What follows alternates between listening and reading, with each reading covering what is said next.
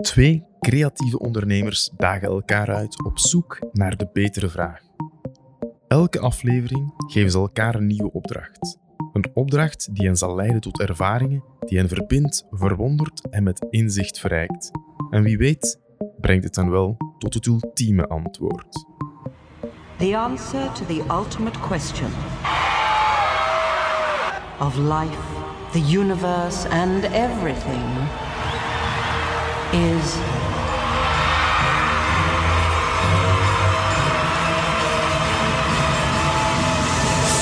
forty-two.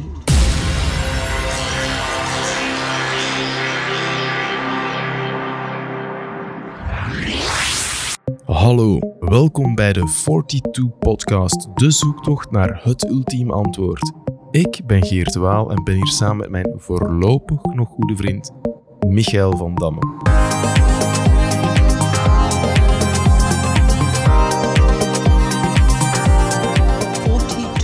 Forty-two. 42 is het antwoord op de ultieme vraag over het leven, het universum en alles. En in onze podcast gaan we op zoek naar dat antwoord, naar de 42.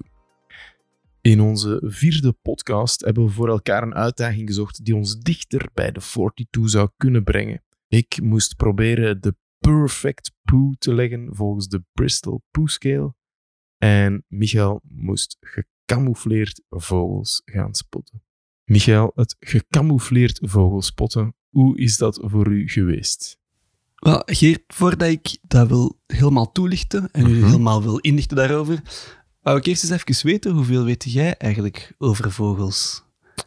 Is uw kennis... eh, De- zeer beperkt. ja? Weet je het verschil tussen een koolmees en een pimpelmees? Nee, Michael, eh, maar wel in schrijfwijze. Ja, ja, Ja. ik bedoel, qua uitzicht, nee. Ik, Nee. ik begrijp dat wel, want ik heb dat ook heel lang, dat ik eigenlijk niks wist van vogels. Het is bij mij wat veranderd twee jaar terug, toen ik verrast ben. Mhm. En omdat we dan wat meer in het groen zaten. En Naar daar- de volière eigenlijk. Daar heb ik allemaal vogels, zag ik ineens Ja. allemaal vogels in de tuin en dan wou ik weten wat dat was en dan ging ik dat opzoeken. En sindsdien weet ik het verschil tussen koolmezen en pimpelmezen. En het grote verschil is... koolmees zijn wa- wat meer zwart op hun hoofd, zijn iets groter. Pimpelmeesjes zijn wat meer blauw en geel en zo'n streep over hun oog in plaats van zo... Correct. Ja, lap. Ik ben Ja, er, ik wou ben erin ingelopen. Maar eh, ik moet eigenlijk zeggen dat in dat opzicht wel een leuke opdracht was, omdat ik eigenlijk al wel stiekem into vogels was, een beetje. Mhm. Omdat ik dat graag... Ik, ik weet wat het effect is van een vogeltje te zien in een tuin, dat je nog niet hebt gezien of zo, en dat dan op te zoeken. Eh, alleen heb ik het deze maand dan echt eh, even een step-up gedaan en eh, er helemaal voor gegaan. Ja. Ik stel voor dat we even zullen luisteren naar de audioreportage. Goedemorgen. Ehm, het is vijf uur, maar die vogels die zijn dus al wakker. Les 1 vogelspotten, nog vroeger opstaan. Ik ben onderweg naar eh, het Michelsbroek, om de simpele reden dat dat vlakbij is. En daar is ook een vogelkijkhut. Eh, en voor de eerste keer leek mij dat wel eh, het goede om eens te gaan testen alleen. Vogeltjes zijn al goed bezig. Wacht maar eens. Geen idee wat voor vogel dat is. Het is waarschijnlijk heel zeldzaam. Oh, ik heb juist al een rijker gezien. Ik ben nog niemand tegengekomen, dat is ook al iets. Maar ja, vogelspotten is wel hip. Dus misschien is het aanschuiven aan de vogelhut. Oké, ik ben bij de vogelhut. Ik ga even stil zijn. Ik hoop dat er niemand anders is. Of misschien wel, en dan maken we vrienden.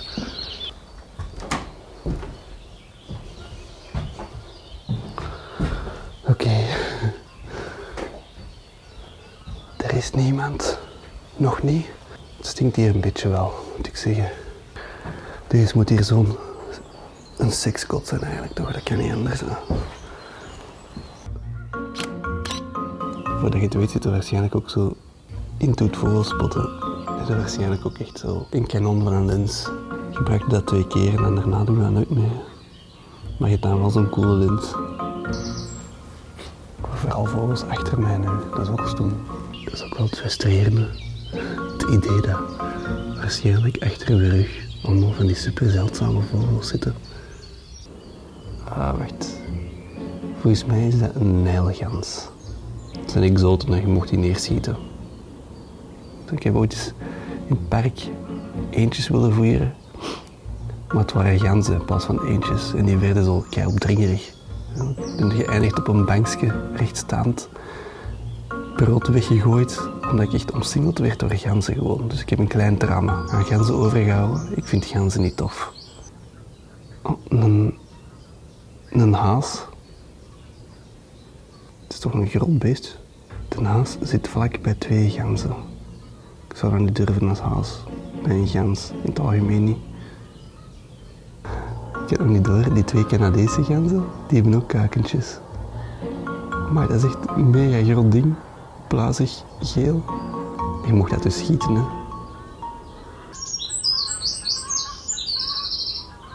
Hoor dat? Dat is hier echt naast mij gewoon.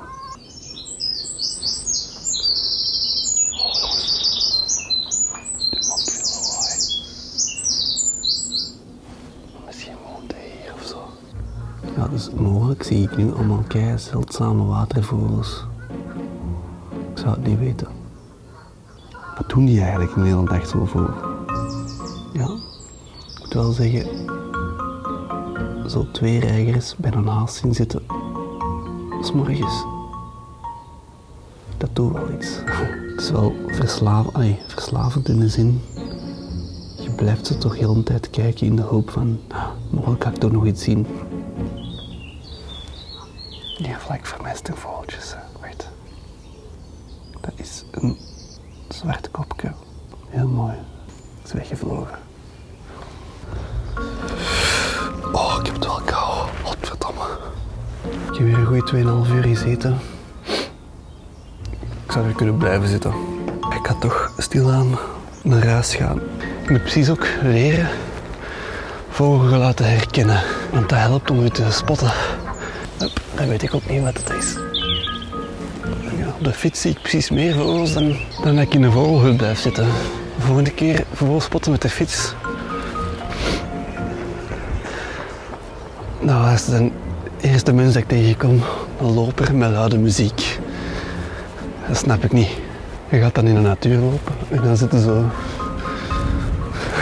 Kei luide muziek op. Ja, mensen. Zo, ik heb eh, nu de eerste keer een vogel gaan spotten. Ik heb nu wel wat gezien, maar om er speciaal voor om half vijf voor op te staan, dat weet ik nu toch niet. Allee, als je dat elke weekend moet doen, je wilt ook wel eens kunnen uitslapen eigenlijk. Ik ben geen vroege vogel. Ik heb natuurlijk wat rondgehoord op zoek naar enkele ervaren vogelspotters die mij zouden kunnen helpen. En ik heb een tip gekregen uit nogal onverwachte hoek. Namelijk mijn eigenste nonkel, nonkel Jozef. Blijkt een echte vogelkenner te zijn en vooral, hij heeft een superscherp gehoor en weet echt alles van vogels. En ik heb opnieuw gekozen voor het Mechelsbroek om de simpele reden dat hij daar echt is opgegroeid. Dus vandaag ga ik op stap met mijn eigen onkel in het Mechelsbroek. Tik, tik, tik, tik. Weet je nog, dat is dat, dat, je, Die hebben hier zo'n wit Ja, ja. zie je? roeken. En dat zijn, dat zijn koloniebroeders. Ja, nu is dit gebied, hier zijn dus geen roeken meer. Dus dit gebied is nu roekeloos geworden. Tjaf, tjaf, tjaf, tjaf. Wat? Nee, dat, is, eh, dat weten jullie wat dat is, nonkel. Ah, ja, dat is, dat is mijn ding, een fuut. Put? Ah ja. Ja. Klopt, ja. Nog een scholle vogel. Maar daar zitten twee zilverreigers daar aan de overkant. Hè. Ja.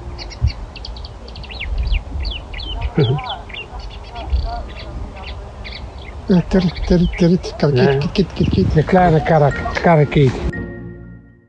Voilà. Ik ben net op stap geweest met mijn onkel Jozef. Dat is eigenlijk heel fijn. Ik heb eigenlijk veel bijgeleerd. En het is toch een heel andere dimensie als je iemand bij je hebt die veel van de vogelgeluiden kent. Maar voor de volgende sessie wil ik toch graag een stapje verder gaan. Ik heb nu al hier bij ons in de buurt vogels gaan spotten.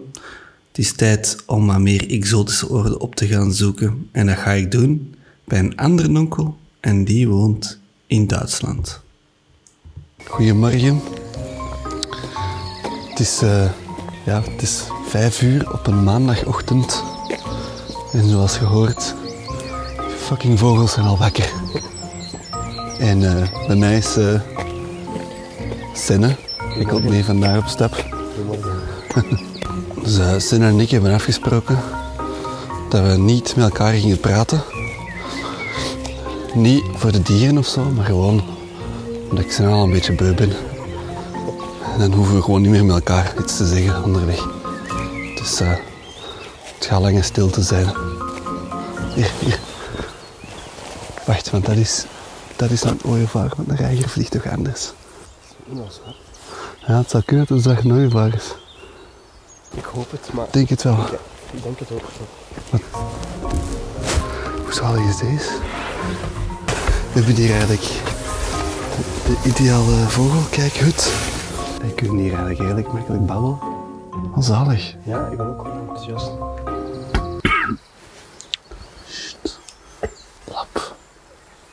Is het weer heel tijd stil. Alles om zeep. Wit, wit met bruin gespikkelde borst. De grootte van een duif ongeveer. Dit leek mij misschien nog mogelijk een kleine roofvogel. Een valksken of zoiets. Zie, we zijn gewoon aan het wandelen en we zien al meer. dan de hele tijd in zo'n onnozel hut te zitten. Kijk, hier hebben we er nu toch al twee gezien. Of twee keer dezelfde, dat kan ook, hè? Maar ja, Zwart Nooievaar, hè? Dat is hier wel een legende. Zo, de sessie in Duitsland met Senne zit erop. De vogel die we zagen bleek achteraf een torenvalk te zijn. En we hebben daarna nog een rode wouw gezien ook nog. Eén van de vogels die Geert had opgedragen. Maar het summum, dat was toch wel de zwarte ooievaar. Maar we zijn nog niet klaar. Ik heb nog één sessie te gaan. Dit keer niet met familie of alleen, maar wel met iemand die er echt iets van kent. Niet het soort vogelspotter dat gecamoufleerd met een grote kanonlens ergens ligt te wachten op een zeldzame vogel. Maar wel iemand met een echte passie voor vogelspotten. Anna Schneider. Jawel, een dame in een wereld vol mannen met kanonlenzen. En zij was bereid om mij mee op pad te nemen in een bos in de buurt van Mechelen op een doodgewone donderdagochtend lang voor de werkuren nog maar beginnen. Goedemorgen iedereen. Eh, het is eh, donderdagochtend, half zes. De fucking vogels zijn al wakker natuurlijk, want dat zijn ook letterlijk vroege vogels. Ehm, en ehm, ik ben onderweg om ze samen te gaan spotten met Anna Schneider. Ik ben dus ook benieuwd of dat ze zo'n grote kanonlens heeft. Misschien zijn vrouwen daar iets subtieler in dan mannen. Dus ehm voilà. Het is toch wel een keer iets anders als morgens, eh, voordat het werk begint, al even op stap gaan om eh, vogels te gaan zoeken in, eh, in het bos. We zijn eh, aangekomen. Maar Anna is er duidelijk nog niet. Ik hoop dat ze mij niet laat zitten op een date.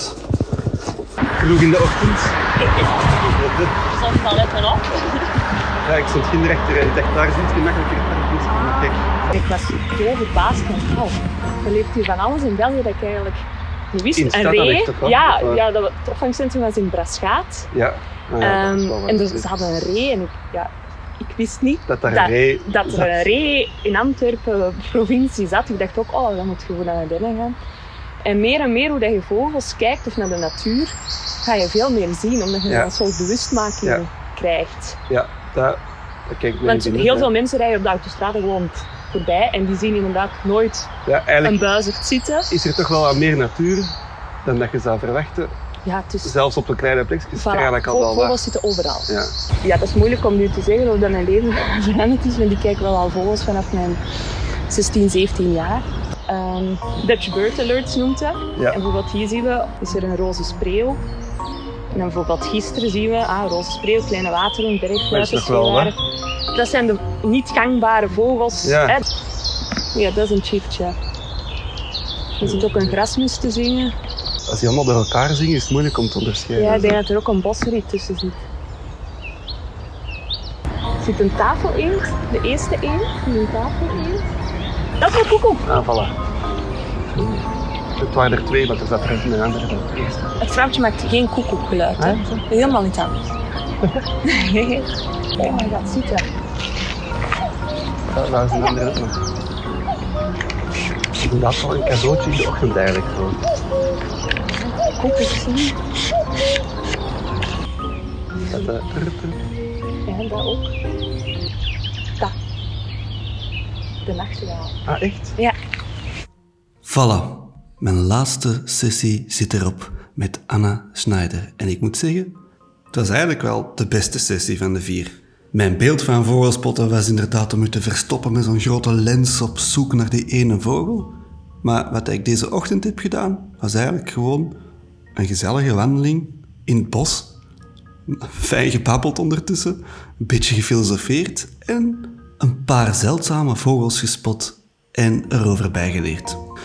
Als vogelspotten ook op die manier kan, dan ben ik helemaal mee.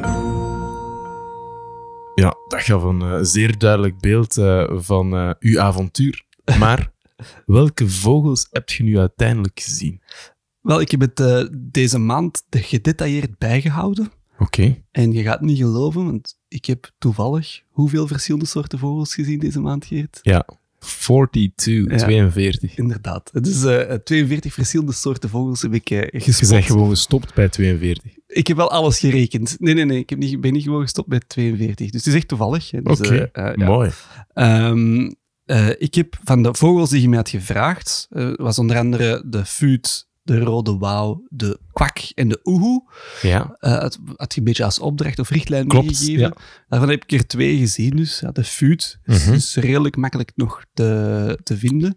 De rode wauw heb ik in Duitsland gezien. Mhm. Je kunt ook makkelijk in Dardenne zien, maar ook zelfs in deze contraire. Ik heb dat al gezegd, je kunt die soms wel eens aan de autostraden of zo wel eens eh, een keer zien.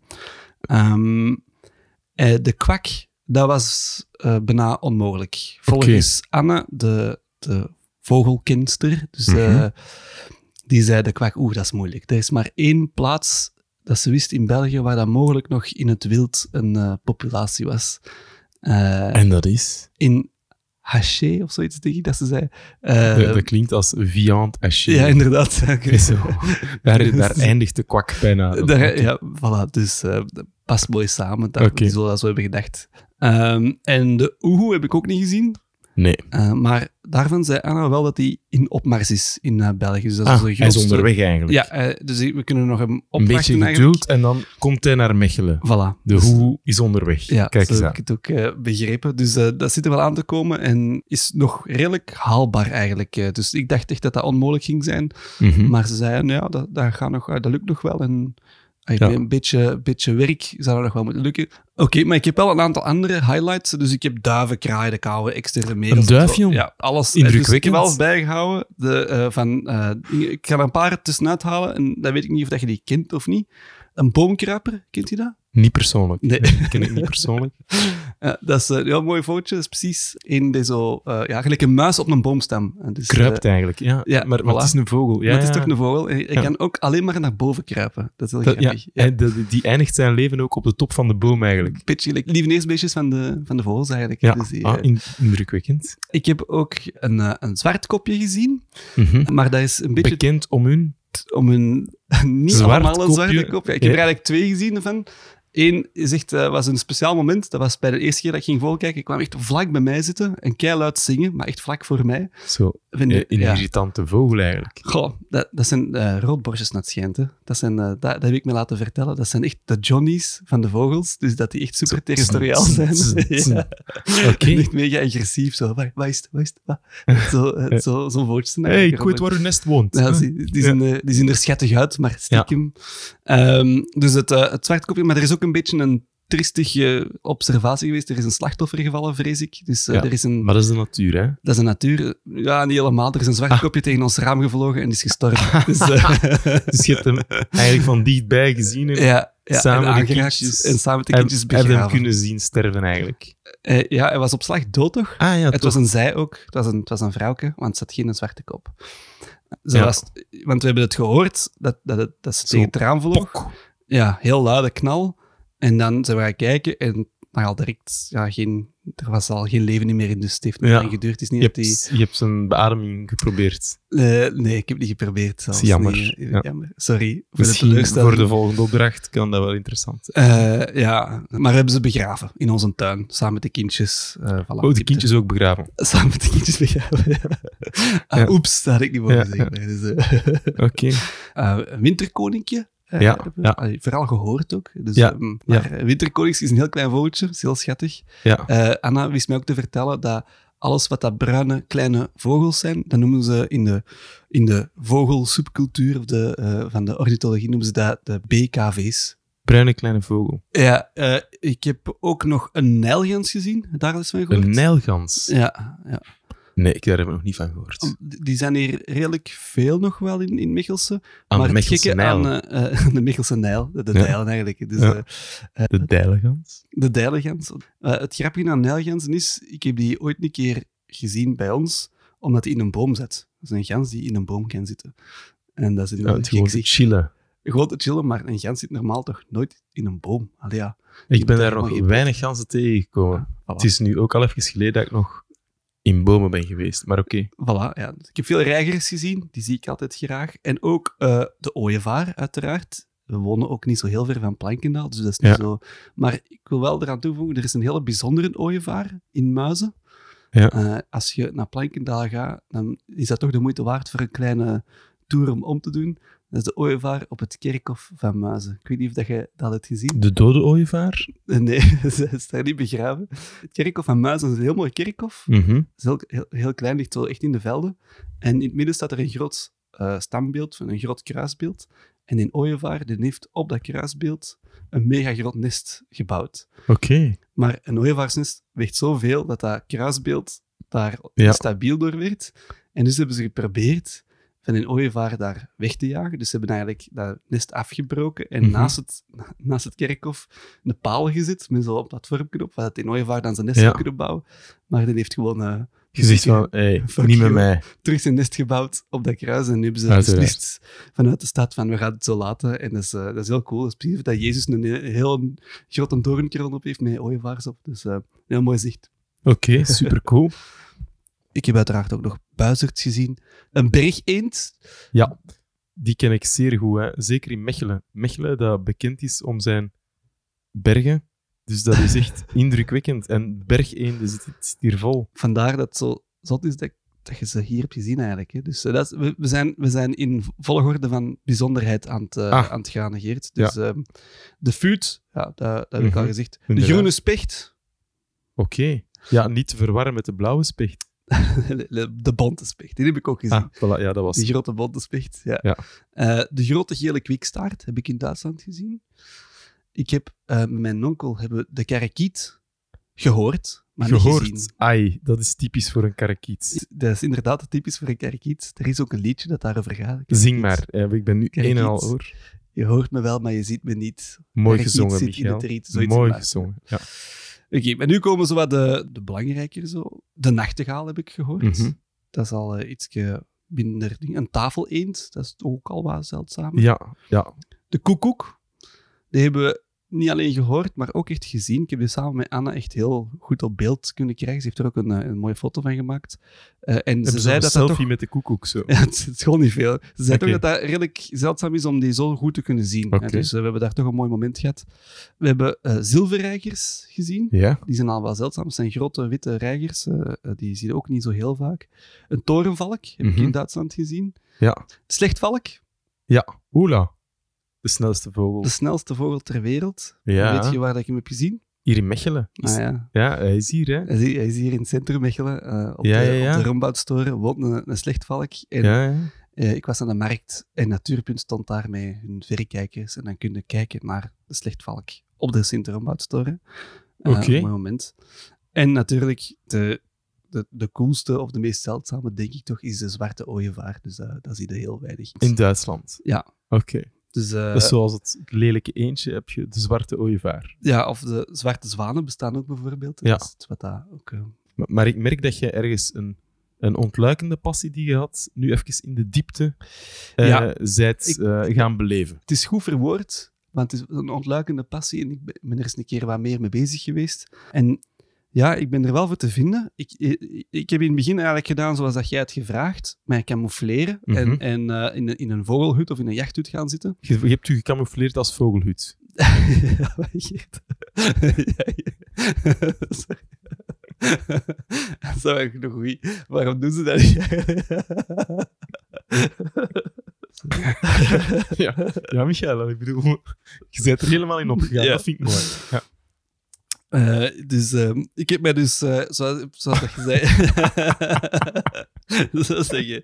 Dus eh, ik, heb u, ik heb uw opdracht goed gevolgd in het begin. Dus ik ben Mooi. mij echt gaan, gaan camoufleren, eerst om vogels te gaan zoeken, dus in de vogelhut. of daarna in de, in de jachthut. Maar ik, ik, ik, werd daar, ik werd daar een beetje geconfronteerd met de, wat dat ik noem de busparadox. Niet of je dat. Eh, Nee, dat is ook- lang geleden dat ik nog niet. een bus genomen heb. Voilà, bij mij ja. ook. Maar één ding dat ik mij vooral nog herinner van al die keren dat ik de bus heb genomen vroeger was... De bus komt nooit op het moment dat je ze verwacht. Dus Ah, ja. eh, je bent aan het wachten zij op de bus. Het is een beetje gelijk een vrouw.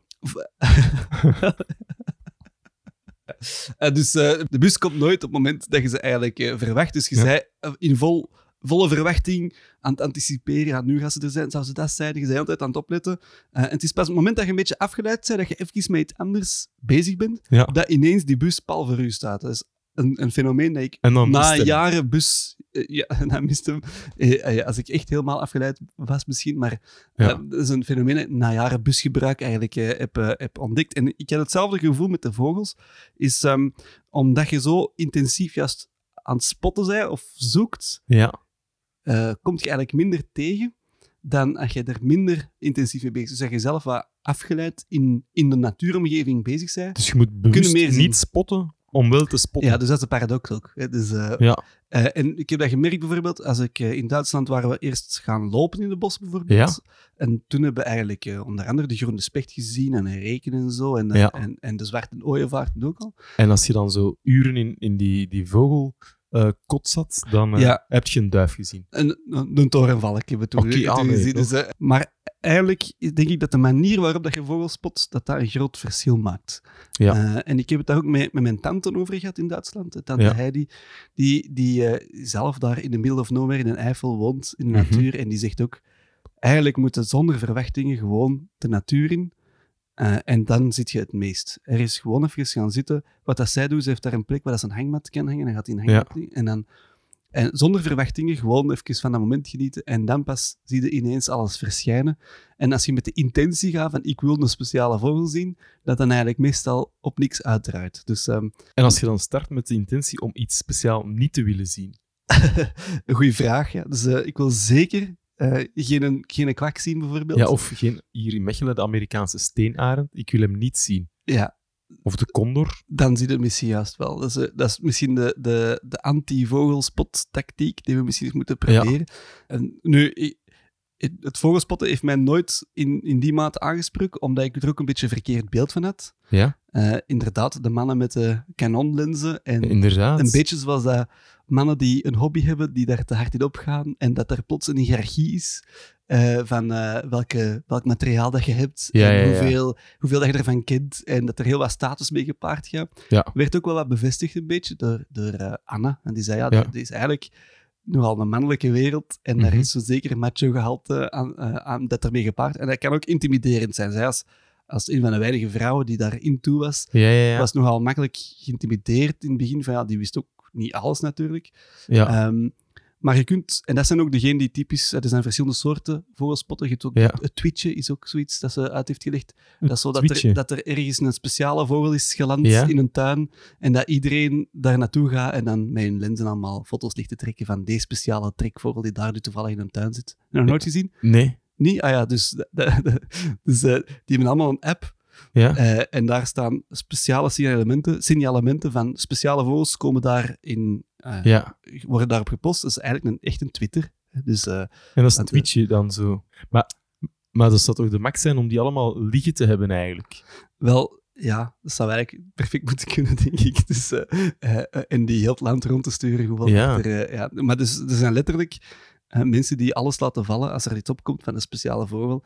En die up naar Henegouwen rijden, omdat daar nu toevallig... In die een tuin, maar die is toch al lang weg, die vogel. En die vragen geld ervoor, die mensen dan, als die in hun tuin... Nee, dat is niet zo. Ze proberen die aan te houden, die vogel. En dan komen mensen... Ja, dus dat is... ehm, dat, en dat, zie komt soms wel eens op nieuws. En dat was ook een beetje mijn beeld van vogelspotters. Maar dat is maar een, een stroming in, Ja. binnen, de, binnen het vogelspotten.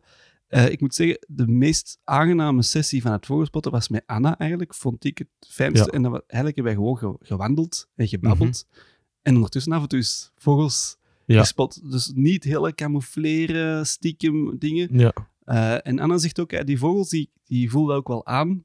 Die, die merken ook wel dat je niet... Dat je daar niet super hevig, dat je rustig bent bijvoorbeeld. En dan durven die ook wat makkelijker zich te tonen of dichterbij te komen. Dus eh, misschien niet voor alle vogels, als je iets, iets bijzonders wilt zien, Ja. misschien dan moeten we wat meer best doen. Ehm, maar dat, dat beviel mij wel heel erg, die manier van vogelspotten. Dus ik vond gewoon de combinatie van ontspannen in de natuur, met, met tegelijkertijd ook nog wat bijleren over Mhm. vogels en dan wandelen.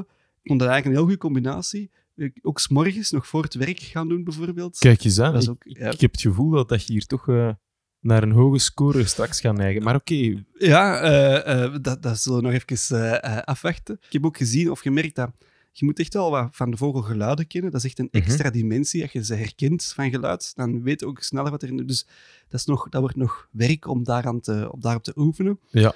Maar ik vond het eigenlijk zo fijn dat ik me ook ben me gaan verdiepen in het onderzoek. En er is best al wel wat onderzoek rond het concept eh, forest bathing.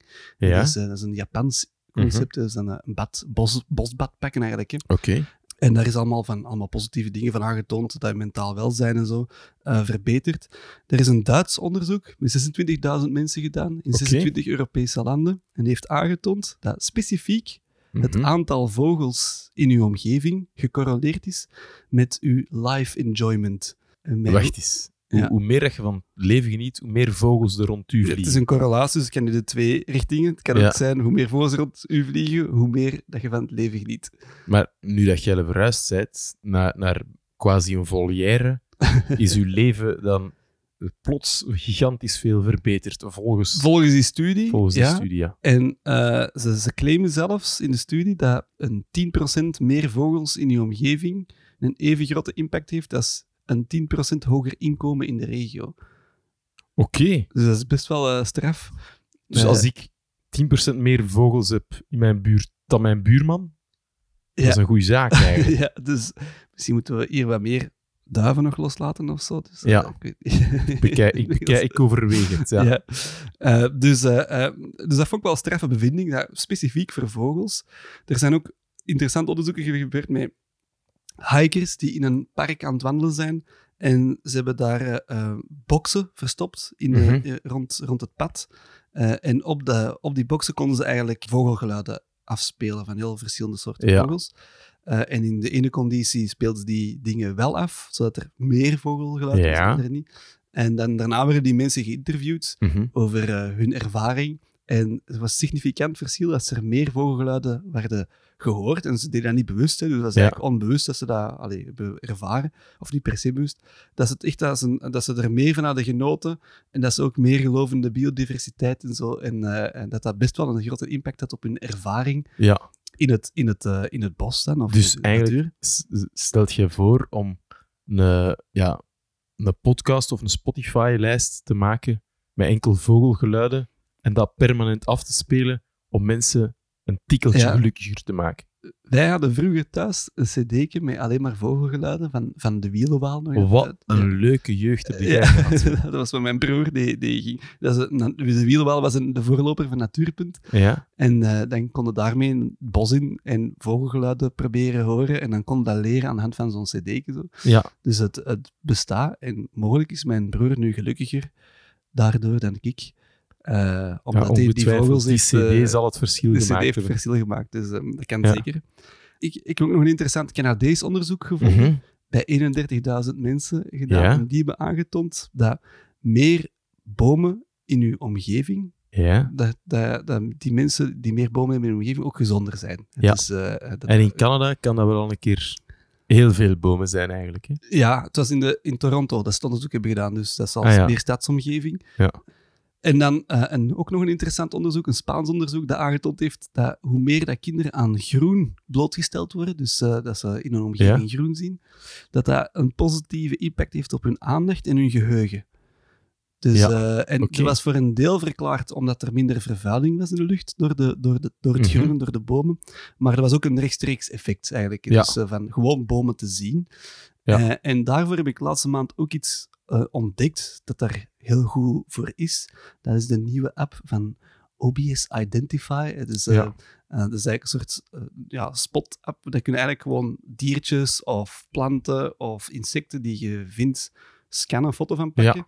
En die kan dat redelijk goed herkennen. Het werkt echt wel goed. Het is, het is geen, het is geen Ja, ja. Zo, ik, En om dat met de kindjes te gaan doen, ik heb echt honderden foto's al getrokken de laatste weken samen met de kindjes in een tuin overal. En ze komen allemaal af, aandraven met wat is deze voor beest en zo. En is, ik vind het zelf ook super leuk om te doen. Oké. Dus het is een tip eh, voor, ehm, voor de, de luisteraars om eens een keer te gaan doen met die kindjes en eh, uit te testen.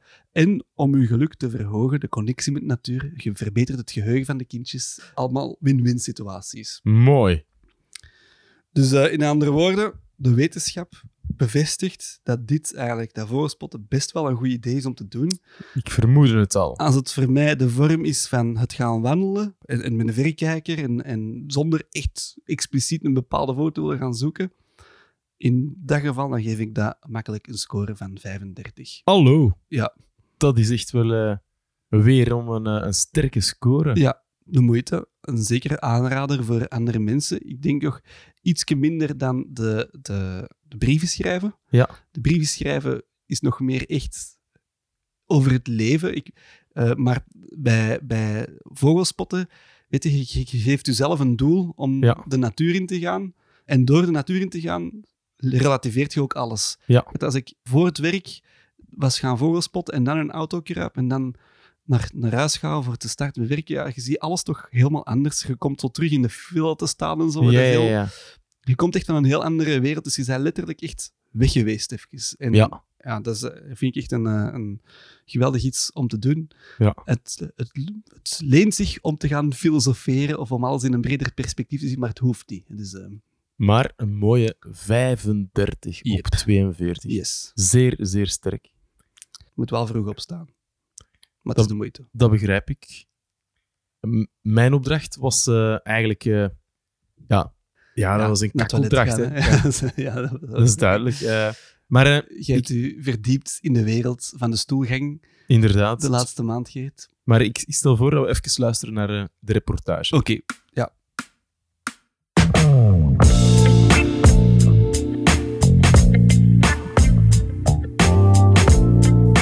Hier zit ik dan, mijn nieuwe rustoor. Het kabinet, de beste kamer, het closet, het gemak, het kleinste kamertje, de cour de play, de poepdoos, de retirade, het secreet of gewoon de wc. Om connectie te zoeken met mijn innerlijke mens, meer specifiek met mijn darmen. Ik neem er bewust de tijd voor om even alleen te zijn, zonder digitale afleiding. Ik heb dit dan ook maar een beetje ingericht als mijn mancave met aangepaste literatuur. Onder de noemer darmstimulerende literatuur liggen er hier vooral cartoonboekjes. De klassiekers zoals Garfield, Hagar, maar ook de zelfmoordkonijntjes. Deze boeken worden ook vlot verslonden door mijn kinderen. Met andere woorden, hun tijd op toilet heeft recent ook een hyperinflatie ondergaan. Ik heb echter ook eh, twee Jerome-boeken liggen in het toilet. Deze liggen boven kinderhoogte. Dit zou immers leiden tot veel extra toelichting aan een zevenjarige, waar je zaken dient uit te leggen, zoals wie Hugo Koveliers is, oké, tot eh, daaraan toe, maar evengoed waarom een konijn een penis met weerhaakjes heeft. Daar heb ik nog geen pasklaar antwoord op. Wat ik niet ben nagegaan is of er een specifieke cartoon een bepaalde impact heeft op de kwaliteit van mijn kak. Voilà, het woord is eruit. Het was een aparte ervaring. Een maand lang mijn kak analyseren op basis van de Bristol Poo Scale. En je eten- en levensgewoonten aanpassen om zowaar de perfect poo of de PP te leggen. De Bristol Stool Scale geeft een beoordeling van de kwaliteit van je ontlasting weer in zeven types. Type 1 staat voor losse harde klonten, zoals noten. Moeilijk te passeren. Kan ook zwart zijn. Type 2. Worstvormig, maar klonterig. Type 3. Als een borst, maar met scheurtjes aan het oppervlak en kan ook zwart van kleur zijn. Type 4. Als een worst of een slang, glad en zacht. Het summum. De perfect poo.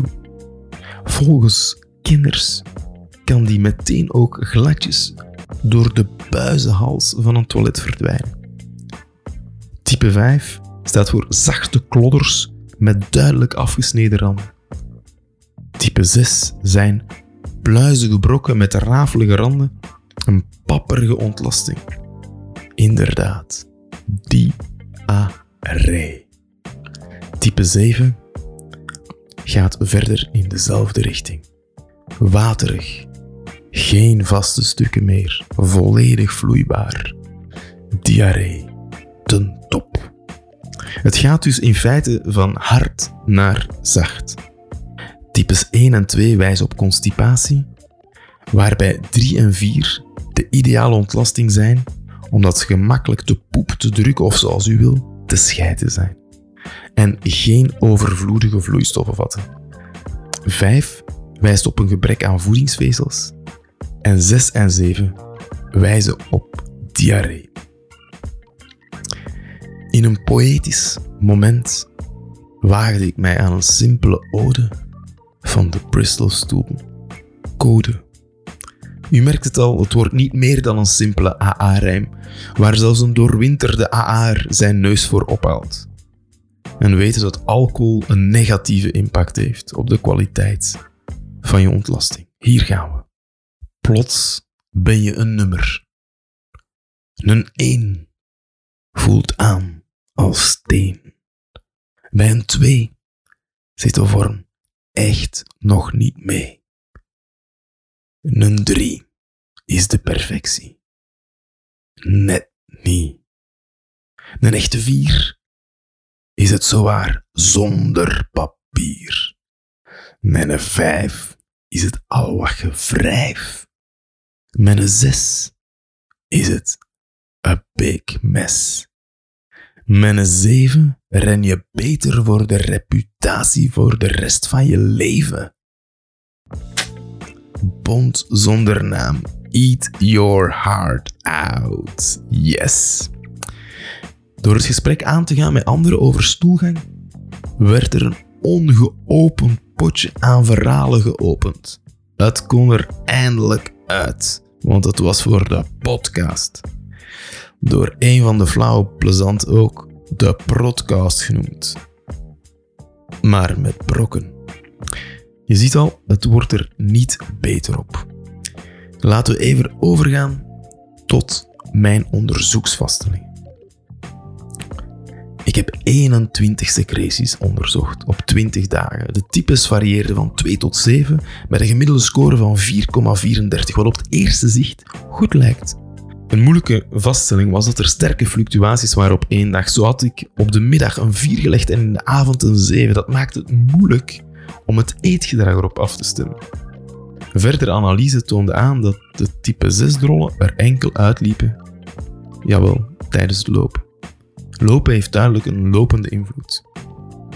Onder sporters is het uh, gevoegd doen niet meteen het eerste onderwerp waar je over praat, maar elke duursporter krijgt ermee te maken. Als duursporter heb ik mijn hotspots waar ik uh, makkelijk even een ontlastende verklaring afleg. Zo kan je op mijn Strava perfect zien dat de toiletten van menig sportcentrum op mijn looptochten liggen. Ik zou eigenlijk nog een lachend kaksje kunnen zetten op mijn Strava parcours om deze locaties prijs te geven. Door mij hard te focussen op mijn darmgevoel en de druk voor de lancering, kon ik het type al vrij goed vooraf inschatten. Ik zat er maximaal één niveau naast. Het is mijn inziens overigens makkelijker om een 4 te leggen op een shelf-style toilet. En dat is zo'n Nederlands toilet met een soort podium. waar je je drol nog aardig kan observeren na de productie, alvorens dat die door een kleine tsunami wordt weggeveegd. En in het beste geval zonder restsporen. Ja, die toilet is immers minder diep dan een typisch Belgisch toilet, die op zijn beurt, omwille van de grote afstand voor landing, meer kans tot breuken in de kak veroorzaakt. Het was overigens een expliciete opdracht om de prestaties te tekenen in het kakboek. En omdat ik het boek niet steeds bij mij had en ook niet steeds het juiste bruine kleurpotlood, nam ik telkens een foto van mijn prestatie. En dat was achteraf bekeken misschien niet het beste idee. Op een zondagochtend zat onze kleinste zoon op zijn tablet eh, te scrollen tot hij vroeg van wie al die kakafoto's zijn. Even vergeten dat er ook nadelen zijn aan cloud computing. Maar eh, even afrondend. Ik wens jullie allemaal een perfect poo, een PP of een zalige vier toe.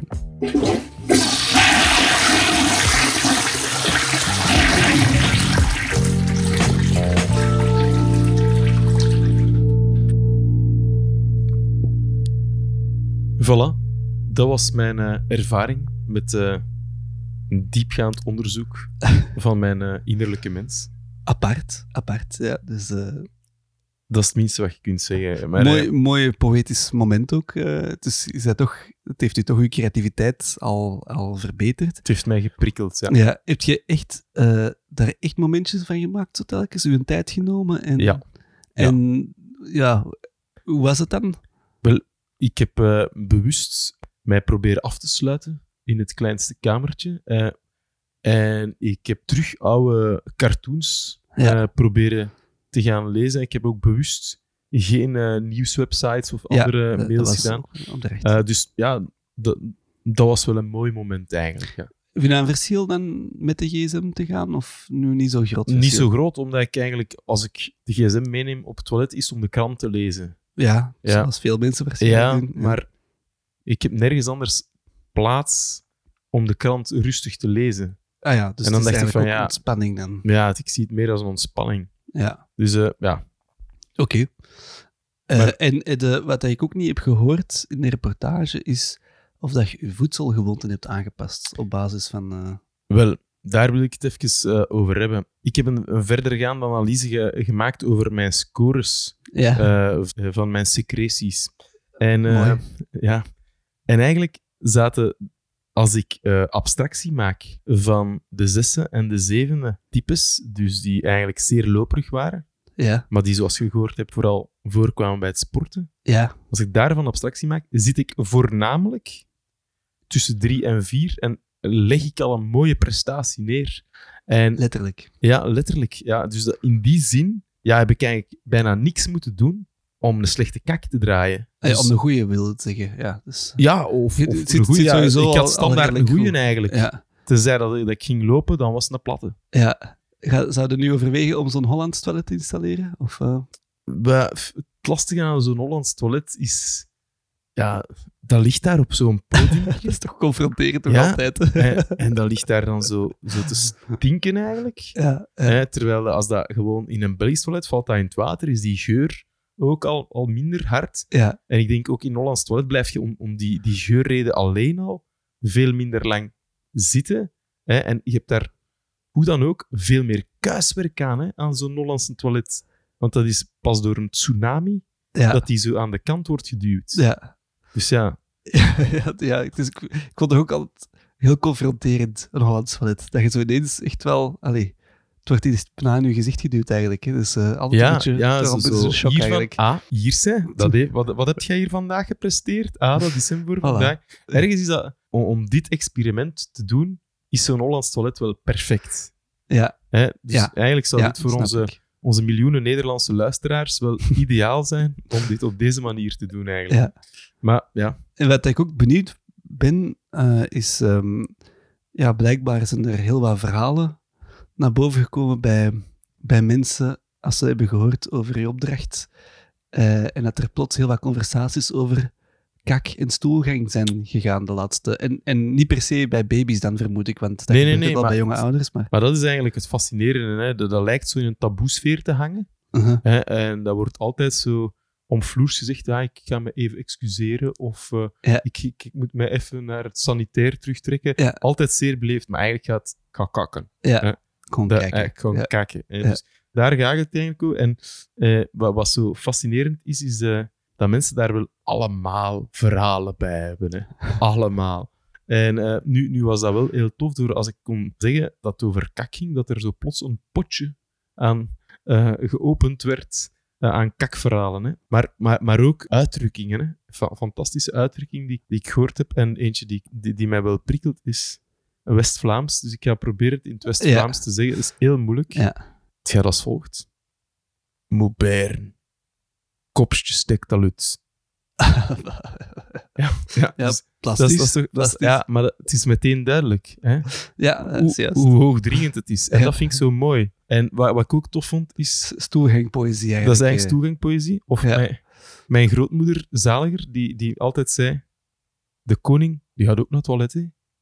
Gewoon om te duiden van... Ja. Dat is ook maar een mens. Dat zei ze bij ons vroeger thuis ook. Ah, wel, Ja. Maar dat Ja. vind ik dus... dat, dat- daarover gaat het. Hè. Hij kakt ook. Ja. Hè, terwijl ik zoiets heb van...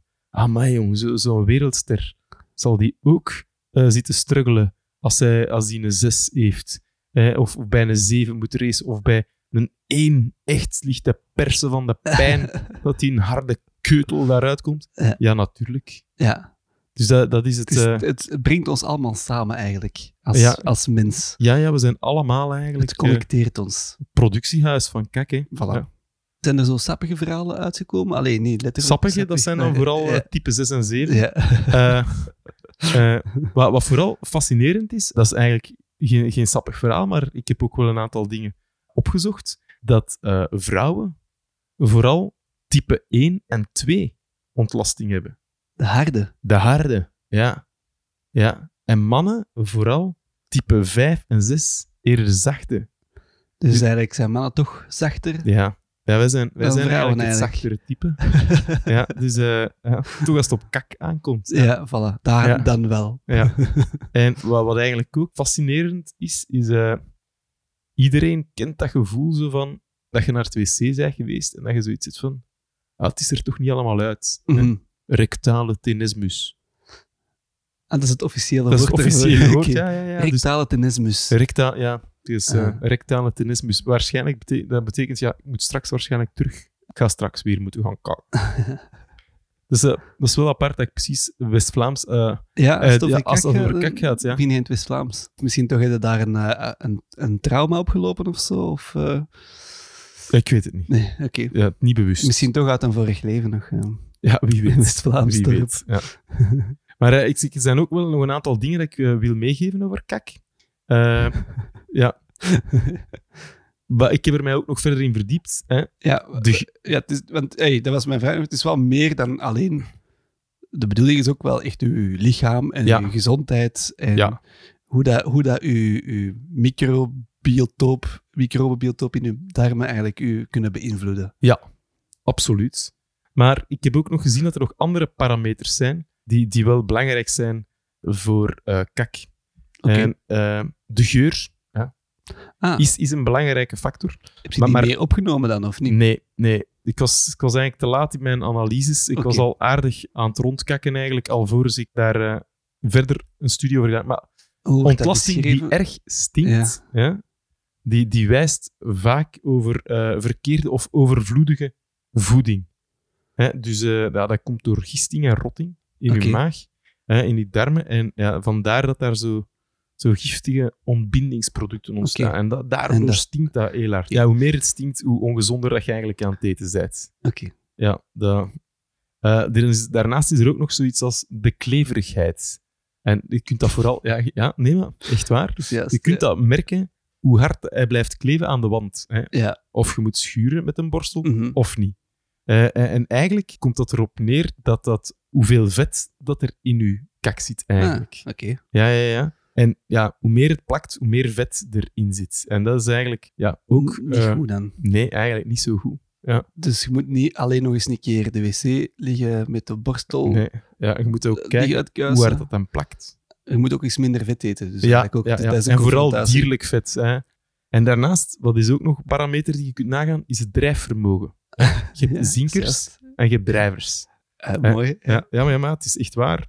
En als je gas hebt hè, in je ontlasting, Ja. dan, ja, dan is de kans natuurlijk groter dat dat blijft drijven. Hè. En voedingsvezels die, die niet verteerd geraken, die kunnen onderworpen zijn aan, aan, eh, aan een soort eh, fermentatie en, en daar kunnen gassen bij ontstaan. En hoe meer dat dat eigenlijk in je kak zit, ja, hoe beter dat die gaat drijven. Hè.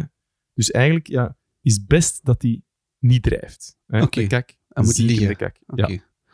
Heb je daar nog iets over gevonden, over uw microbiome? De gut- de gut-brain barrier, zo, de, of eh, axis, wil ik zeggen. Ja, daar heb ik wel een aantal dingen over eh, ge- gevonden. Eh, en die zitten eigenlijk allemaal in, eh, in de sfeer van mensen die op zoek gaan naar een optimale gezondheid. En daar, daarin speelt dat een belangrijke rol. En er is zelf een, een wetenschappelijke studie van een Jonas Schluter. En ja, maar wacht, Kijk. ja, bij kijk is dat wel tof. Zo En dan bij ook- mij vaak op toilet. Dus, En eh, Kevin Foster. Hij dus zo, echt zo... Ja, het is, het is niet de Kostner, maar het is de Foster. Ja. Maar, Kevin alle Koster twee- een Aldi. ja, het is inderdaad. Maar alle twee wel niet bij de Universiteit van den Aldi. Ze zitten alle twee aan de Oxford Universiteit. En die hebben in Science gepubliceerd. Dat is, niet- dat is niet verkeerd. Dat is ook niet eh, het magazine van den Aldi. Eh, en die, die raden eigenlijk aan om zo'n beetje ecosysteemingenieur te worden. Hè? En eh, onze microbiële gemeenschappen, dat is hetgeen wat er leeft in onze Ja. darmen, eh, te gaan manipuleren. Hoe kan dat? Ja. Wij kunnen daar impact op hebben door uw, uw darmen eigenlijk te voeden met natuurlijke en biologische producten. Maar landbouwproducten. Hè? Ah, Met andere woorden, en dat is, het is allemaal heel simpel, hè? vermijd in uw aankoop van uw eten eh, producten met schadelijke chemicaliën. Of met zo van die additieven, de ACE, et cetera. Verminder dierlijk vet in uw eten. Ja. Dus als je vlees neemt, hè, een, spek, ja. dat is echt zeer ongezond. Hè. Verminder de kans op obesitas, ten Ja. eerste, maar ook vele kankers, hè, zoals borst- en prostaatkanker Ja. maximaliseer je microbiële darmdiversiteit. Hè? Dat is, eh, klinkt al bijna een slogan. Maar eigenlijk is dat gewoon, kies eerder kip en vis. Simpel. Als, Mhm. je, als je kunt kiezen op een kaart, hè, Ah ja, zo. vlees, Ja, ja. kip of vis, gaat dan voor kip en vis. En eh, probeer zoveel mogelijk verschillende planten eh, vezels eh, te eten. Hè? Dus dat is cruciaal. Ja. Heel belangrijk, eet kleinere porties. Ah ja. Ja. Ah, Oké. Ja. Dus een mega fancy restaurant is eigenlijk iets goed dan... Misschien wel. Ja, de truc die, die ook helpt, is gewoon kleinere borden nemen thuis. Hè. Wat ook soms helpt, is het, eh, het verhongeren van je darmmicroben. Dus dat is intermittent fasting. aha. Is eigenlijk wel gezond. En eigenlijk is dat, is dat ideaal om, om de, je darmen te laten reinigen. aha. Dat is eigenlijk eh, de, de reden. eh, wat ze ook zeggen is, eet niet wanneer je gestresseerd bent. of boos of gewoon verdrietig. nooit eten. hè? Ja, wel, ja, inderdaad. of boos of Ja, verdrietig. ja, Of dus- een emotie voelt. Oh, man. Maar- van... en, en zo die dingen van dat vlees of zo, ze zeggen niet dat je het nooit mocht eten. Ze zeggen gewoon dat je het minder moet eten. minder. Maar het is gewoon niet, te- niet, niet elke dag of niet te vaak. Af en toe mag je dat wel eens. Af en toe mag dat wel eens. En wat, wat ik eigenlijk ook heel mooi vind om af te sluiten, is eet samen. Het, het feit om samen te eten heeft iets van eh, ja, verbindend en werkt ook in eh, op het mentale en, eh, en doet echt deugd om ja, aan de innerlijke mens te gaan eh, En dan werken. eindig je met een groepsknuffel op het einde. Dat Ja. stond er niet bij. Dat stond er niet bij. Eten jullie vaak eten jullie altijd samen hier thuis? Ja. Of, ja, ja, ja, wij ook normaal. Ja. Ja. Dus, Voilà, dat was, eh, Kijk goed.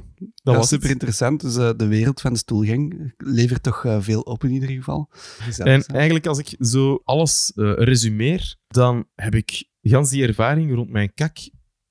Ik, ik, ik kan eigenlijk wel zeggen dat ik een goede productie heb. Ja. Hè? Kortom, dat zit standaard goed. En dat was wel goed om te weten. Maar het, de ganse ervaring heeft mijn leven niet echt verbeterd. Ja, nee. Hè? Omdat, omdat dat het eigenlijk al, al goed is. Ook Wat- ook er wel is- momentje kapen van zo naar het toilet te gaan. U, u- Dat, dat wel. Voor mij is dat een belangrijk moment toch Ja, altijd. eh, Dat begrijp ik. Ja. Ja. Wat, wat voor mij nu, nu wel belangrijk is, ik ga wel veel alerter zijn.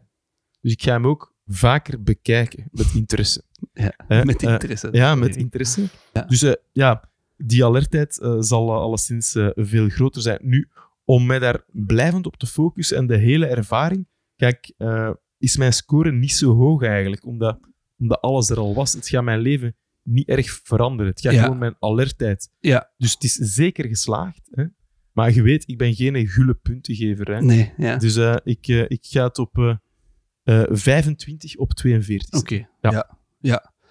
Zouden, als je daar al goede, maar je hebt eigenlijk sowieso al een goede stoelgang natuurlijk. Ja. Zou het overwegen om het te verkopen? Mijn stoelgang. Ja, kunt verkopen hè, voor eh, Ik weet het. de Boston Clinic daar en zo. Voor trans- Ja, maar stoelgangtransplantatie wordt gedaan. Hè? Ja, inderdaad. Maar dan vraag ik me af, die pakjes bij DHL, hoe, hoe gaat dat dan eigenlijk? Ja, Ja. eh, gewoon in een doosje en dan eh Oh ja, enkel in karton. Ja. een Het doosje. drupt wat, meneer. Het is geen probleem. Ja. Ja, kijk, opsturen Ja. naar Boston en voilà. En dan krijg je al geld, zo zal dat wel werken zeker. Doet mij overigens denken aan een, aan een eh, ontgoochelde sollicitant. ja, je hebt ooit... Ja, sorry. ik heb eh, ooit eerlijk waar eh, een enveloppe toegekregen met kak in. En ja, dat was een sollicitant. Ik had het genoegen om mensen te mogen interviewen voor een, een volgende job bij een zeer fijne werkgever. En ja, dat was iemand die niet weerhouden was. En die vond het gewoon heel professioneel om zijn ongenoegen te laten uiten door eh, zijn eigen kak in een envelop te steken, eh, op een brief te smeren eh, en een voldoende klont eigenlijk, en dat ter mijner attentie op te sturen. Dus ik heb ooit al een kakbrief gekregen. En was het een handgeschreven brief? Eh, eh, hij heeft wel met de kak niet zoveel geschreven eigenlijk. Oké. Dus ja. En want, ja, misschien dat dat wel goed was geweest hand. Je hebt het toch maar onthouden, in ieder Ja, geval. Dus het heeft wel impact gehad. Het heeft een blijvende impact en ik... En hij heeft de job gekregen, toch? eh, niet bij ons. Ja. Nee. Ja. Eh, goed idee. Kijk, versturen in een brief. eh, dus eh, met een mail gaat dat niet zo makkelijk. Ja, dus, inderdaad. maar eh, fijn, hè? ja, dat, dat verhaal Ja. ken ik inderdaad. was mooi. Mooi. Voilà. We hebben de twee analyses eh, gehad. De twee scores zijn bekend. We kunnen overgaan naar de volgende opdracht. Yep. You better be there when I shake. Watch me rocking if I can't stop. If I should fall, just go ahead. Go and catch me, baby.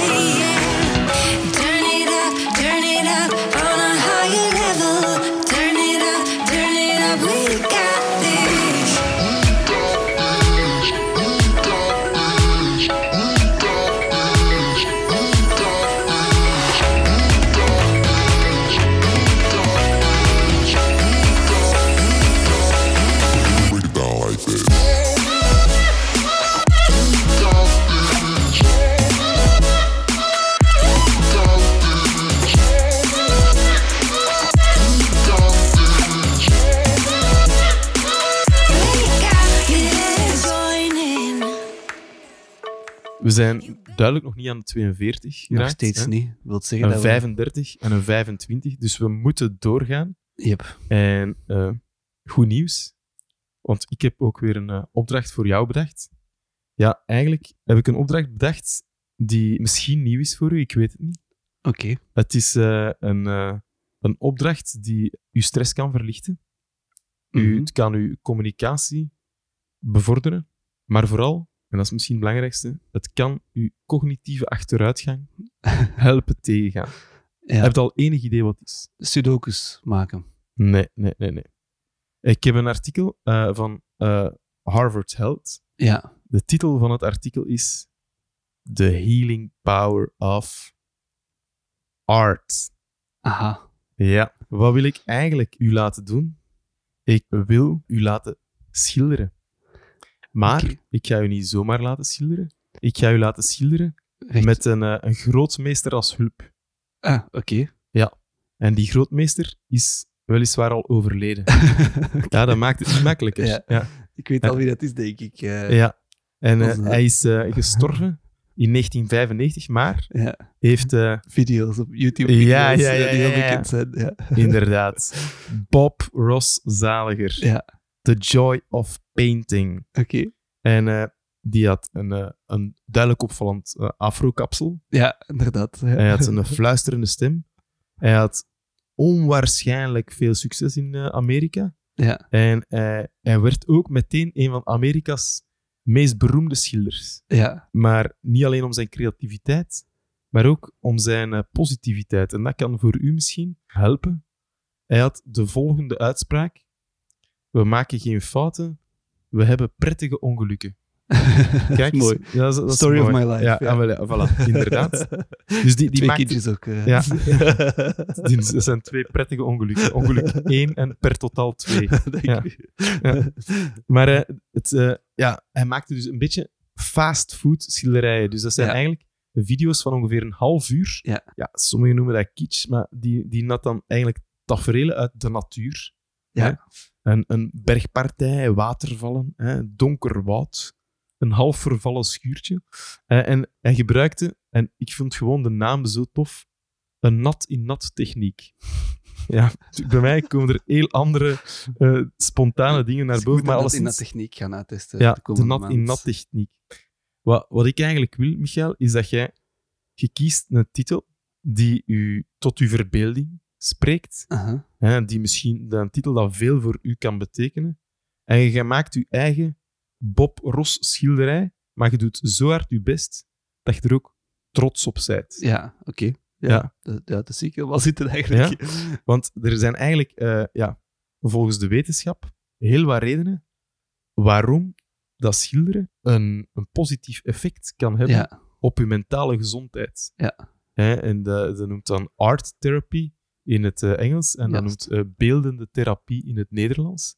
En eh, ja, dat kunnen Ik- zelfs studeren, hè? beeldentherapie. Ja, inderdaad. inderdaad. Ja. Ja, dus ik, ik ben heel benieuwd ja, tot wat dat bij u kan leiden. Ik, er wordt soms gebruikt voor mensen die lijden aan een posttraumatisch stressstoornis. Van met u samen te werken, inderdaad. Dat, dat is al één ding. Ja. Je kunt eh, andere ge- geestelijke gezondheidsproblemen van onze samenwerking hebben. je kunt zelfs eetstoornissen krijgen van onze ja, ja, samenwerking. klinkt herkenbaar. Dus, Ja. Ja, je kunt zelf Alzheimer krijgen van mij, ja. maar zeker een depressie. Dus dat zijn allemaal dingen waar ik u eigenlijk toch enigszins wil helpen om het niet erger te maken. ja. Ja. schilderen. Schilderen, ja. Maar je kiest een, een coole titel. Ja. En eh, je, je laat u helemaal gaan als een Bob Ross. En ik zou eigenlijk, als ons eh kantoor eh, ooit klaar is, dan is dat een werk Dat, dat daar moet hangen. En ook een werk waarvan dat we niet beschaamd zijn dat het er hangt.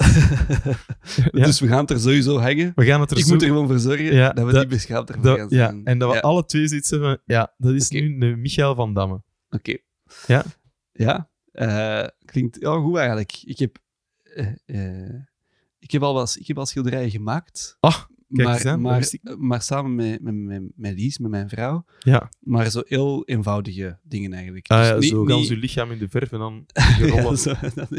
En op de doek. eh, en niemand weet hoe dat is. Nee. Eh, nee, eigenlijk iets dat we... Dan waren er twee kinderen uitgekomen. Prettige ongelukjes. ja. Eh, ik ben altijd gefascineerd wel door schilderen. Ik kan wel tekenen en, Ja. en ik kan ook op de computer wel wat dingen maken. Maar met schilderen vind ik het, eh, het, het straffe eraan is echt het licht. Hoe dat je licht kunt... Ja. Daar moet je echt in zitten. En, en ik ben, denk ik, of vrees ik, een beetje te nonchalant voor de schilderkunst. Dus ik ben weinig gedetailleerd. Ja. snel... eh, ja, wat chaotisch misschien of zo. Mhm. Ehm, maar nu dat ik het echt eens moet proberen, ben ik wel benieuwd. Ja. Ik, ik heb soms ook al eh, op YouTube wel eens stiekem filmpjes gekeken van bepaalde schildertechnieken die ook heel tof De, zijn. de nat in nat techniek. Ehm, nee, dus ik eh, kijk er wel naar uit om het eens eh, de Bob Ross way te, te proberen. Voilà. En ik vermoed dat het een prettig ongeluk zal worden. Kind 3 is eraan. Nee, nee.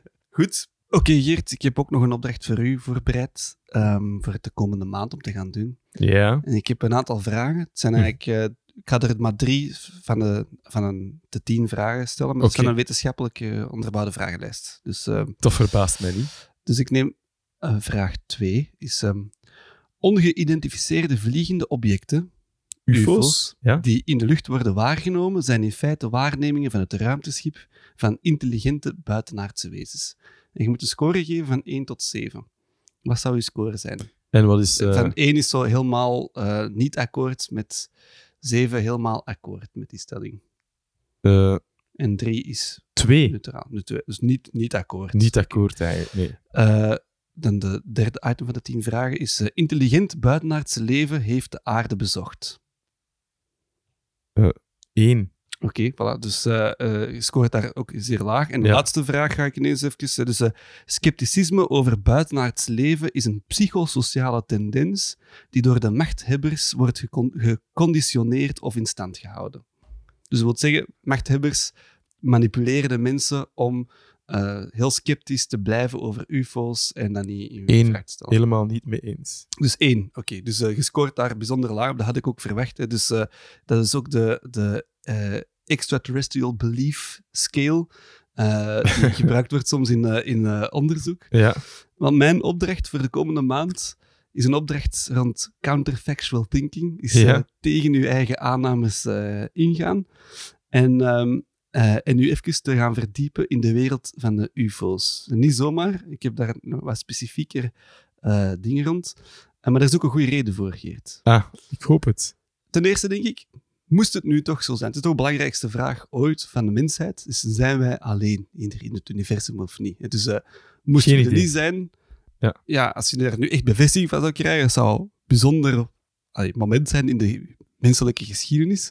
En ook in nu, hoe dat wij naar onszelf zouden Ja. kijken, hoe dat je eigen leven ziet misschien ook wel. Dus vandaar dat ik denk dat het interessant is om rond dat thema toch eens even Ja. tijd te nemen en daar dieper op in te gaan.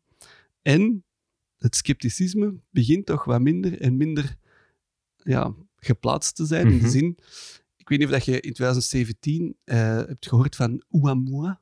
Eh de, de, het, Kun je nog eens eh, het, eh, eloquent herhalen? In 2017 is er een ehm, interstellair eh, ruimteobject gedetecteerd geweest, een Oumuamua, of eh, Ja, ah ja, nu versta ik het. Mauma. Eh, dus, eh, dus Hawaiiaans voor iets van boodschapper of zoiets. Maar een, een, een, soort interstellair object dat ze hebben gezien, die even gepasseerd is in ons zonnestelsel Ja. en terug uit ons zonnestelsel is gegaan. Ja. Maar nogal een bizar traject heeft afgelegd. Dus dat, dat we moeilijk konden verklaren. Oké. En Avi Loeb is Harvard-professor. Heeft daar een boek over geschreven. Onlangs is het uitgekomen. Waarin dat hij beweert dat er alle reden is om aan te nemen dat dit een eh, artificieel gemaakt object was. Dus dat het geen, geen stuk dingen was. Dus Het, was, het was geen meteoriet, het was Ja. echt een, eh, voilà. eh, een, een missie van Ja. een of ander En buitenlands... het is iemand die toch wel weet waar het spreekt. buitenaards wezen. Voilà. Dus dat zou niet dat er buitenaardse wezens in zaten of zo, maar Ja. een zonde of, of whatever. En we weten het eigenlijk toch niet. Eh, maar wel een duidelijke aanwijzing. Het is controversieel. Hè? Dus hij, hij- hij wordt door zijn collega's niet, niet iedereen is ermee akkoord in ieder geval Ja. met wat het, hem, wat het hem zegt. Maar het is wel iemand die weet waarover dat gaat en, eh, en die daar over kan zeggen. Maar in 2017 is er nog iets heel belangrijk gebeurd. Er zijn drie video's eh, vrijgegeven of eh, gelekt. Eh, drie video's. Van de Natty Natty. van de, van de in dat techniek. Drie video's van UFO's, maar Uh-huh. niet zomaar. Het zijn video's die gedraaid zijn met militaire camera's vanuit vliegtuigen. En daarbij waren ook piloten, die Amerikaanse piloten, militaire piloten, die getuigen van wij hebben dat echt gezien, we hebben dat achtervolgd en dat deed manoeuvres die onmogelijk zijn, fysisch, voor een mens kan dat niet doen. Ja. Eh, en dan werd er wat de vraag gesteld, ja, is dit, zijn die beelden echt of niet? En Pentagon heeft bevestigd dat de beelden echt zijn. Hè, dus dat het echte beelden zijn vanuit het Amerikaanse leger. Dus dat niet fake Oké. is. En ze, ze, ze laten wel in het midden of dat dan misschien een, bijvoorbeeld iets van de Russen of China is of zo. Of, eh, maar anderzijds, de manoeuvres die gedaan worden zijn eigenlijk wel heel extreem. Dus als het iets geheim is van het Amerikaans leger bijvoorbeeld, dan zijn de wetten van de fysica al doorbroken in ieder geval. Dus in, in, ja. eender wat het is, is het al eh, eh, eh, ja, sowieso controversieel. Maar we zijn eigenlijk op het hoogtepunt deze maand van een lang relaas. Pentagon heeft die, heeft die video's bevestigd, maar er is meer en meer uitgekomen de laatste drie jaar. Oké. En vorige week, of twee weken terug, heeft Obama himself eigenlijk daarop gereageerd. En hij heeft gezegd dat het serieus, dat het serieus te nemen is. Dus dat, niet, dat, eh, dat ze niet weten wat er in het Amerikaanse luchtruim zich bevindt. Dus, Oké. eh, dus Obama het zegt, eh, dan ja, is het dan... serieus te nemen. Ola. Dus, en de reden waarom dat er wat, eh, zo'n hoge excitement is, is Mhm. omdat er deze maand moet... Ook een nieuwe film uitkomt in Hollywood. nee, ja, ja, toevallig, ja. Ja. Eh, nee, deze maand moet eh, de Amerikaanse Defensie een rapport vrijgeven met- waarin dat ze alles wat dat ze weten over UFO's moeten toelichten en Mhm. publiek maken. Zo. Dus, en dat wordt deze maand vrijgegeven. En heel Amerika staat momenteel een beetje op zijn, zijn kop, omdat ze vol spanning aan het We weten nog niet wat het gaat zijn. Mogelijk gaat het een grote teleurstelling zijn. De kans is reëel. Eh, maar eh, het, is, het, is, het wordt serieus genomen. Amerikaanse senatoren zijn erover aan, be- over bezig. Trump heeft erover gesproken. Er wordt echt... er- Dan, Ja. als Trump heeft erover gesproken. Ja. de- maar het Witte Huis ook en zo. Dus de- Ja. de- het, is, het is groot. Het is niet meer iets dat in de fringe zit. Zo. Het is, ehm, nu, we zijn natuurlijk niet in Amerika, we zijn in België. Ah, Maar België heeft, ik weet niet of jij weet, een van de, de beroemdste UFO-cases. eh, in de, in, of in, in heel bekende UFO-cases. Natuurlijk, Roswell is heel bekend eh, wereldwijd. de- wat er is gebeurd in Roswell. mhm. Maar dat ze geloven dat er een UFO is gecrashed is geweest. Maar in de jaren 90 is er een UFO-golf geweest in België. De Eh, UFO-golf GTI. Getune getune John en eigenlijk. eh, Ja, van die neonlampjes onder en iedereen dacht dat het UFO was. er waren gewoon mensen van Aalst. ja, was in, het was in Wallonië, dus... eh, Ah, wel. Ah, lust. Eh, maar ge- daar zijn UFO's, ehm, getuigen van UFO's geweest, onder andere Rijkswachters, toen waren die er nog. eh, ehm, en ons leger heeft F-16's erop afgestuurd, omdat ze die op radars hebben gezien. Mhm. Eh, en die radarbeelden zijn ook vrijgegeven. En er is later ook eh, generaal-majoor Wilfried de Brouwer heeft daarover getuigd. Over dat ze niet weten wat dat was en dat ze op de radarbeelden dingen hebben, manoeuvres deden die, niet, die ze niet konden verklaren. Dus eigenlijk, wat er nu in Amerika gebeurt, is in de jaren negentig al in, in België gebeurd. Maar er zit zoveel voor. we zitten dus eigenlijk voorlopers eh, eh, ehm, daarop. Eh, en in, in 2020, het is nog altijd actueel, in 2020 zijn er 446 meldingen gedaan van UFO's in België. Je hebt een UFO-meldpunt daarvoor. Oké. En 14% ervan was eigenlijk moeilijk te verklaren. Dus wat het UFO-meldpunt doet, die proberen te gaan na te Dus gaan. dat zijn eigenlijk een, zestigtal cases die moeilijk te verklaren zijn. Ja, rekencapaciteit. eh, Dus eh, ja, 400 en 400. ja. Ja, ik ken dat niet zoiets. Eh, dus eh, dat, is toch, dat is toch wel iets. Hè. Dus, ja, eh. En ik ga heel eerlijk zijn, Geert. Ik, heb, ik ken het UFO-meldpunt, omdat ik zelf ooit al... Vrijwilliger was bij het nee, UFO niet- vrijwillig, maar ik heb gebeld ooit, hebt. eh, een UFO gemeld aan het UFO-meldpunt. Omdat ik... Dat verwondert mij nu. ik zal je uitleggen hoe dat is gekomen. Het Die is, eh, drugs van ja. ik heb het nog nooit aan iemand verteld, denk ik. Oké. Eh, maar ik heb een keer dat ik aan het rijden was, iets heel raar gezien. Eh, ik zag ineens heel veel lichten samen, en, maar ik heb maar heel kort kunnen zien. Zo. Heel veel lichten samen, en, maar het was vlakbij de autostrade. En die, Ja. die, die vlogen zo heel, en dat was ineens verdwenen. Dus het was heel bizar. En ik, ik was er wel van, van even van geschrokken. En ik, en ik dacht, weet je, wat, ik moet toch ergens eens kunnen zien, als dat aan, aan de autostrade was, dan zouden andere mensen dat ook moeten gezien hebben, toch? Uiteraard. En vandaar heb ik dan het UFO-meldpunt met die boodschap. Ik zeg, ja, ik weet niet wat ik daar heb gezien of zo. want Het was heel bizar, misschien dat ik mij vergis heb. Maar misschien hebben andere mensen het ook gezien. En, de, de- en die persoon in kwestie heeft toen contact opgenomen met mij. Dus eigenlijk een hele redelijke mensen. Dus die Ja, heel kritisch naar kijkt allemaal. Zo. Die heeft dat opgezocht. Die heeft eh, de- gezegd dat het waarschijnlijk een laag vliegend vliegtuig was of zo. Dat mogelijk met in, die juist een bocht aan het pakken was. En Ja. je kunt dat zien op vluchtplannen dan zo. Heeft dat Ja, dus, ja, eh, ja. dus voilà, dat, was, dat is mijn ervaring met UFO-meldpunt. En waarschijnlijk heb ik me ook gewoon vergist van een dingen. Dus, eh, maar de, het is actueel, vandaag de dag nog altijd in België. En dat is ook mijn vraag aan u, Geert. Als er deze maand duidelijk wordt gemaakt dat er UFO's zijn Mhm. eh, en mogelijk buitenaards leven dat ons al wel bezocht heeft, ja. eh, misschien moeten we daar nu al contact mee leggen, nog voordat het laat is. Want er is een manier om contact te leggen met buitenaards leven. Ik heb het voor u opgezocht. Oké, maar dat is fijn, ja. Ja, ehm, Ze hebben een e-mailadres. dus eh, ja, voilà. Ehm, mijn opdracht om eh, u onder te dompelen in eh aliens is drieledig. Is ten Ja. eerste is dompel u onder in de wereld van de UFO's. Oké. De informeer u, Ja. is de vraag. hè. Dus het is counterfactual thinking, tegen Mhm. dingen in zo. Ten tweede is praat met minimum één getuige die betrouwbaar ergens is of zo. Of, Ja. Dus doe een oproep. Vraag aan mensen in de omgeving om anoniem eventueel, om er eens met u over te hebben. Misschien zijn er mensen in de omgeving die al wel aliens hebben gezien of eh, ufo's hebben gezien of Ja. whatever of zo. eh, en dat je niet weet, maar doe een oproep. En Mhm. misschien dat je iemand te pakken kunt krijgen die u daar eh toch even zoveel wil toelichten. Je hoeft de naam niet te vermelden of zo. Nee, nee, eh, je mag ook gewoon mailen naar podcast.thisis42.com. Ja, dat Ja. kan ook. Ja. Ja. Dus eh, voilà, om, eh, voor die, om, om de oproep al te doen. En probeer contact te leggen, is het laatste luik. Probeer contact te leggen met aliens. Je kunt dat doen. Oké. Eh, je kunt UFO's oproepen, beweert Stephen Greer, op zijn minst. Dr. Stephen Greer. Zo eh, sketchy figuur in ieder geval, Ja. maar eh, wel heel bekend blijkbaar. Eh, en die heeft een protocol, noemt het eh, het CE5, van Close Encounter of the Fifth Kind. Het is een CE5-protocol. Oké. Eh, hij doet dat ook met groepen in de woestijn, heb ik gezien. En je moet een kleine Ik ben- 10.000 euro beta- eh, 10.000 dollar betalen om te doen. geen probleem. maar hij heeft zijn protocol wel gratis ter beschikking gesteld. Ah. Dus je kunt het zelf doen ook. Ja. En je kunt best bij open hemel doen, s s'nachts.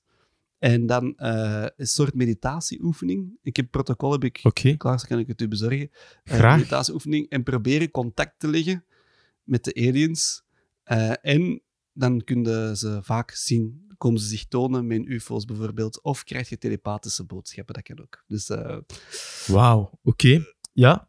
Ik, en het uiteindelijke doel is dat ik graag zou willen weten, na deze maand, hoe dat je terug op die scoort schaal op die scoort. schaal. Ja, Ja. ja, ja. Dat, dat lichtbruin vermoeden had ik al. Ja. Ja, nee, heel goed. Ik heb, eh, ik heb er zin in. Nee, heel fijn. Dus we weten wat te doen. Ja. Jij duikt in de nat, in nat techniek. en ik eh, duik eh, ja, van deze aardbol eigenlijk. Ja. En ja, dan weten we de volgende aflevering wat ons dit opgeleverd heeft en of we dichter zijn gekomen bij de 42. Inderdaad. Voilà, dit was deze aflevering. Hebt u opmerkingen? Mail dan gerust naar podcast@thisis42.com. Bedankt en tot ziens. 42.